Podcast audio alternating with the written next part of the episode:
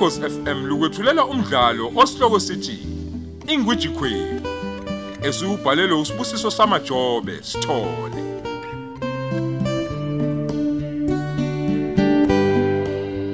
Nasi isiqebu sethu samashumi amathathu nambili.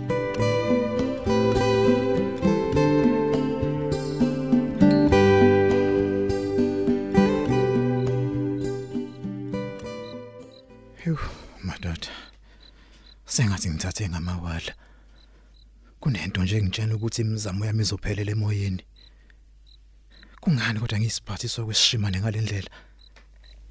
Mina lo ngavele ngadidwa uthando ngalendlela. Hey bo. Ngeke. Kungenzeka yini ukuthi uthandeka wangidlisa? Ngoba phela selokhu ngazala umama nobaba ngikaze ngicabanga ukuthi mina ngalezi zami izandla ngabulala umuntu. Kodwa ke nokungalitholi mhlawumbe uthande ekukhuleni kwami. Ngiyacabanga ukuthi kuyimbangela yalokho. Uma ngithola umuntu ongithandayo ngiyasangana. Ngikhumbula kahle kwakunjena nangimama wengane yami. Umehluko ukuthi yena wayengenamali. Ingakho nginganakanga ukuthi lo ngisanganisile uthando lwakhe. Hew. Angibasoli ke nokabazali bami ngokusheshshe bangishiye emhlabeni. Nabo ngeke bayiqhenya nje ngento engiyenzile. Emva kwesikhathi eside kangaka ngizikhulisa kanzima. Ngisiphethe kahle. Hey. Kwakuuthando olutheni lona lolu?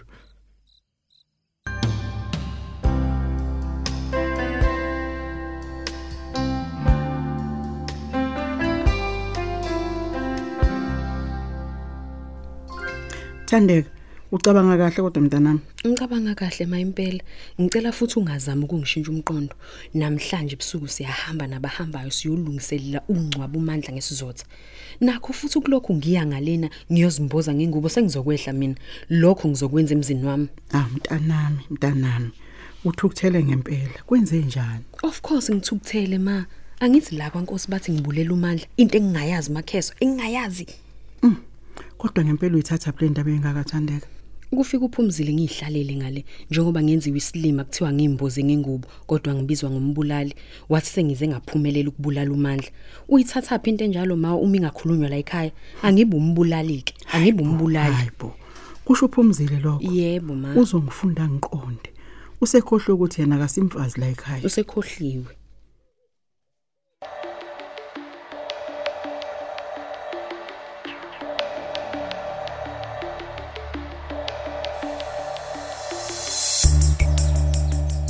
Hayibo majozi. Ufuna ungitshela ukuthi ngempela uye emncebeni? Thenjiwe ekseni kangaka. Ey, Yini kodwa? Ungizwile kodwa ukuthi ngitheni? Hey, ngikuzwile nkosikazi, angiyi.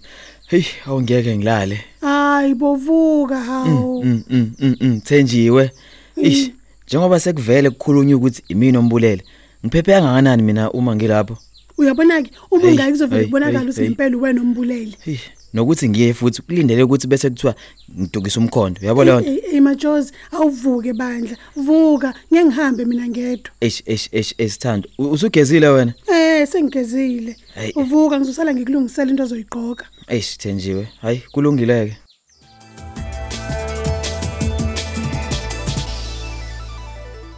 Thenjiwe hello. Madam, uxolani lo? Unjani kodwa? Boy boy, ngiyaphila. Ngakusiza ngani? Ewu, ngidinga umuntu la engizohamba naye kuye Harding. Angangazi noma uyaya yini. Ngiyaya kodwa manje ngeke ngikwazi ukuhamba nawe. Ngizobe ngihamba noma Jozi. Inkinga nje izoba sekuthenini ngiyomchazela ngithi ubanje kodwa Nkosi yami. Eish. Yo, kwaze kwanzima ke. Ah, hayi, akusenani, kulungile ngizosigibelela. Eh uxolo bandla. Isiyobonana phambili.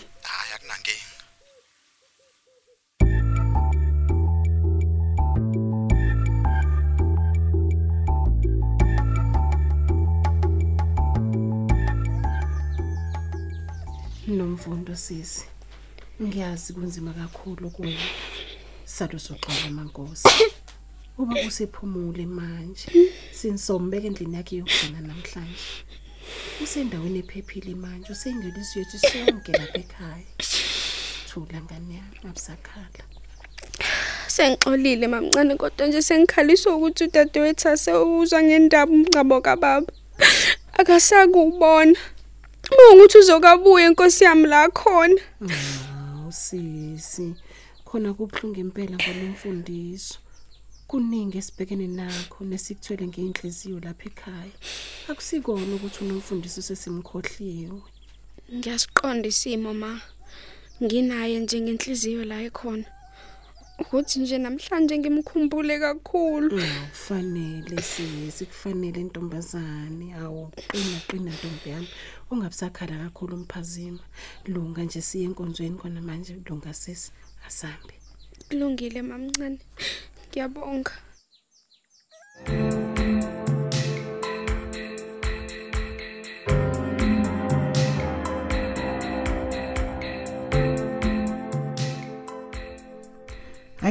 sengihamba ke mina manje mlingani wami. Ngiphuthuma ekhaya. Hawu dala phela ngahamba. Ngcono futhi banomngcwabo usuzoba ngapha eThekwini hayi senongifica khona. eThekwini kanjani manje mlingani? Na usuzongishiya kodwa isimo sibe sinjeni awusalekeleli kodwa. Awu mlingani wami uma ingangenwa yimpheli ngonakala. Hawu makheswa. Nozulu siyacela bandla siyacela. Siyacela makheso awusikhulumele nje inkosi yami nothandeka. Ukuze akwazi ukuthi si- angcwatshele ngapha umfowethu. Hayi cha shem ukuba nje nambe ngiyena bengenza nje njengaye ngempela. Ngeke nje ukuthi eningithi ngifelwe indoda ngapha kodwa ngibe ngibizwa ngombulalwayo hayi shem aninalo nje uzelo nina abantu bakwankosi. Senifuna ukungenza nje ixoki. Manje ngijikela ingane yami. Hayi ngibe ngakunini angeke iziyenzeke lonto hayi ngeke. Cha. Ngeke nje kwenzeke nje. Uma ethi nje eThekwini ziyakhala siyakhona. Mina ke kodwa makheswa uke wangizwa bandla ngibiza umasikhosana ngombulali. Usokhaya yena. Hayi. Kudlalwa ngathi nje ngitsheleke ukuthi uphumzile yena. Ukuthatha phi ukuthi athi ingane yami umbulali. Uphumzile. Phumzile yebo. Hayibo. ake nithi nje ningithuma kuthandeka nibe kodwa senilungisile inhliziyo yakhe Hawu. ngoba nje okwamanje igayi ibuzi hayibo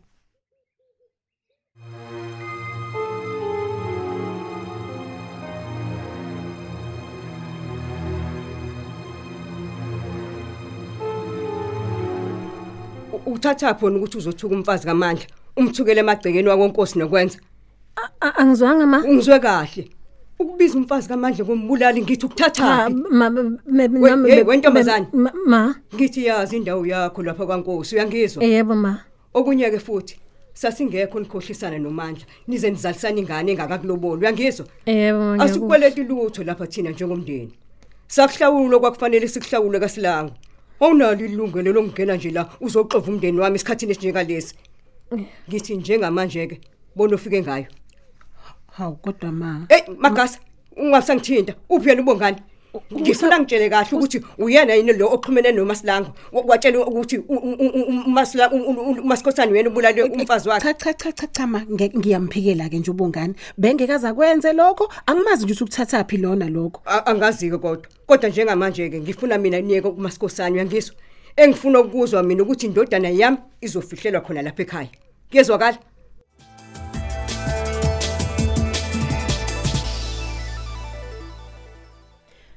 ngaze ngahlebeka ungitshele.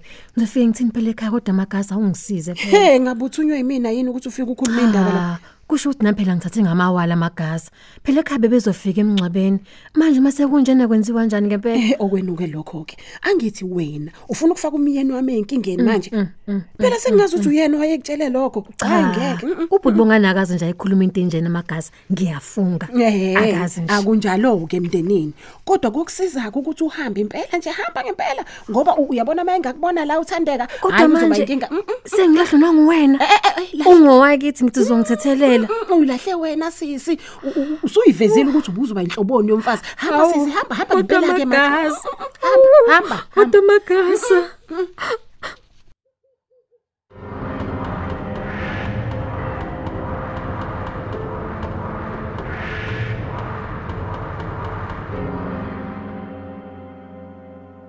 baze banonyaka abantu bakankosi. Sebengaze bangixoshisa impela ngenxa yomfazi wephepha. Kusho ukuthi abakazi nje bangithande labantu bebenze lo mandla sonke lesikhathi. Ngiyothini kunqubeka uma sengimtshela ukuthi ngajike emagcekeni akubo ngithi ngiyongcaba ubaba wakhe? He umanhleko waze wangimangaza ke lo wamama ngimaze ngevelungile. Futhi nje bengithi uyangithanda kanti ngidlala ngesikhathi. Empeleni bengithi ngibalekile komphazima ngoba ngizoba undlunkulu wabo kanti ngidlala nje ngokubaleka nokuthanda. Ngizoke ngiboneke ukuthi baze kwenza njani ngoba nami ngiphumile kubona. Abakwazi nje ukungikhiphisa kwenja babuye bazozincengelela kumina. Kusobala ukuthi abaqondile ukulungisa iphutha elenzeka. Kungabo nekusasa lobukhosi babo labantu. Akusenani. Ngizoke ngibone ngoba phela kwaleli yakhihlana lakhona liphelelwe inkani manje. Nalentandokazi yabo ngithandeka nje ayinamfana akukho nje nokuphula umthetho ukuthi benze ingane yakhe inkosana. Ngiphumile nje kubona. Bayaxhaphazana labantu basabuthandeka bamsabelela kumina. Bekuyini ukuthi bangivumele ngoba vele nabo bayibona lento engiyishoyo? Kanti kuba nemali njani ngoba nakho mina anginamali angihambi ngamoto kanokusho abantu bangankosi bangenza njena. Kumele ngihlale endlini phela namhlanje. Ngoba phela kuyangcwatshwa. Bangathini bona abantu basendlovini bengibona la ekhaya? Awu kodwa ngomandla ngomandla.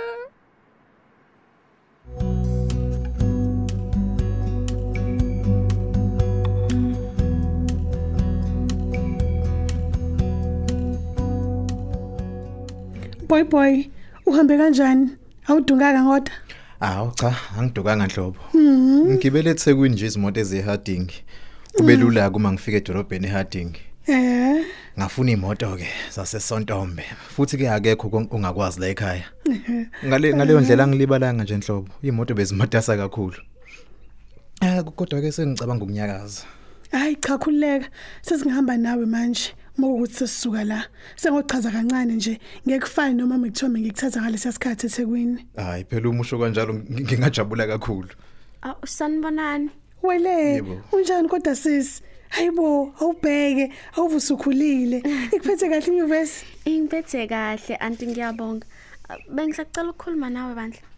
Mina Y- Yebo, ngiyathemba ukuthi angeniphazamisi. hayi cha usiphazamisi sisi vele mina ngifuna ukukhuluma nothandeka ungakubi vele Ngi ngicela uzama ukuthola uma mncane uzokusiza ukuya kuyena. Cha, kodwa ukuthi amehla msengathi akujwayele nje. hayi cha ngicabanga ukuthi mhlawumbe uyangifanisa ngoba hayi angaziwa umuntu mina kule ndawo. Hayi nama ngikwazeli lana. Mhm. Ngicabanga ukuthi ngikwazele eThekwini, bengike nje ngikubona ukhuluma noma kwelinye lamagaraji lapha eMlazi. Ngabe ungumngane wabazali bami noma kathandeka? Oh, oh yeah, hayi cha unga- ungazi impela. Ngingumngane wabazali bakho. Unkosi bezizwana kakhulu naye. Konke nje kuwena ke kodwa kuhamba kahle na. Ubuke kujulile nje ngomcabango. Uyazi ukuthi mhla ngidutshula nobaba leya ndoda yathi sisidubulile yasondela yeza kuthina. Yathatha iselfone kababa n- nesikhwama semali. Yayinuka njengawe. Njengami. Cha yazi a- angiqondile kanjalo ngiyaxolisa. Ngicabanga ukuthi ukweluleka esibhedlela kusebenzanga kahle. Yeah. Kusamele ngithole ukweluleka okungizulu ngempela. Hayi no, kulungile ungaxolisi. Phela kungenzeka ukuthi sisebenzise isiqholo esifanayo naloyo muntu. Cha akusona nje isiqholo kuphela. Ingakho nje ngithi kusho ukuthi isimo sami somqonda sikakabuyele esimeni. Bengakaze ngi- ngikunake lokho. Kuyaqala yazi namhlanje. Oh, manje ushola ukuthi khona okunye futhi. Kube kuhle ukwazi. Siyabonga futhi nokuthi uzokhala kanye nathi. Hayi akunankinga. Uthe igama Ah, Uxolani Zulu. usale kahle Mr Zulu.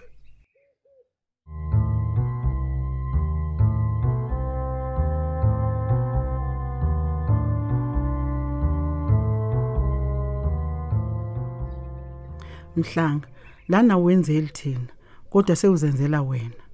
Isimo obhekene naso umntanami sikwenza ukuthi ungacabangi kahle.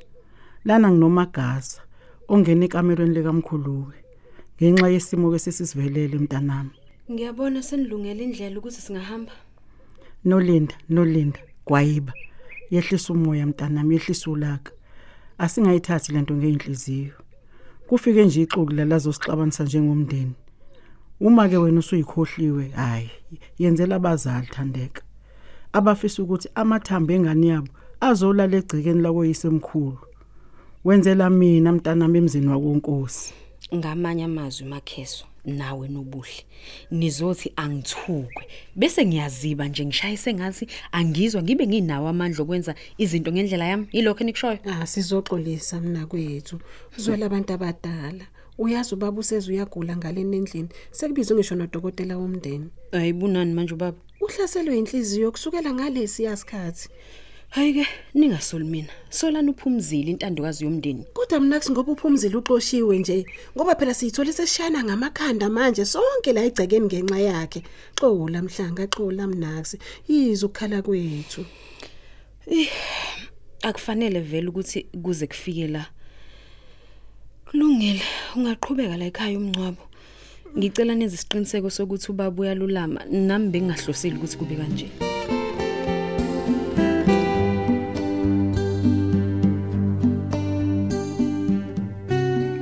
Sisibeka lapho isiqephu sethu esithi Ingwiji Queen osethulelwa ukhozi FM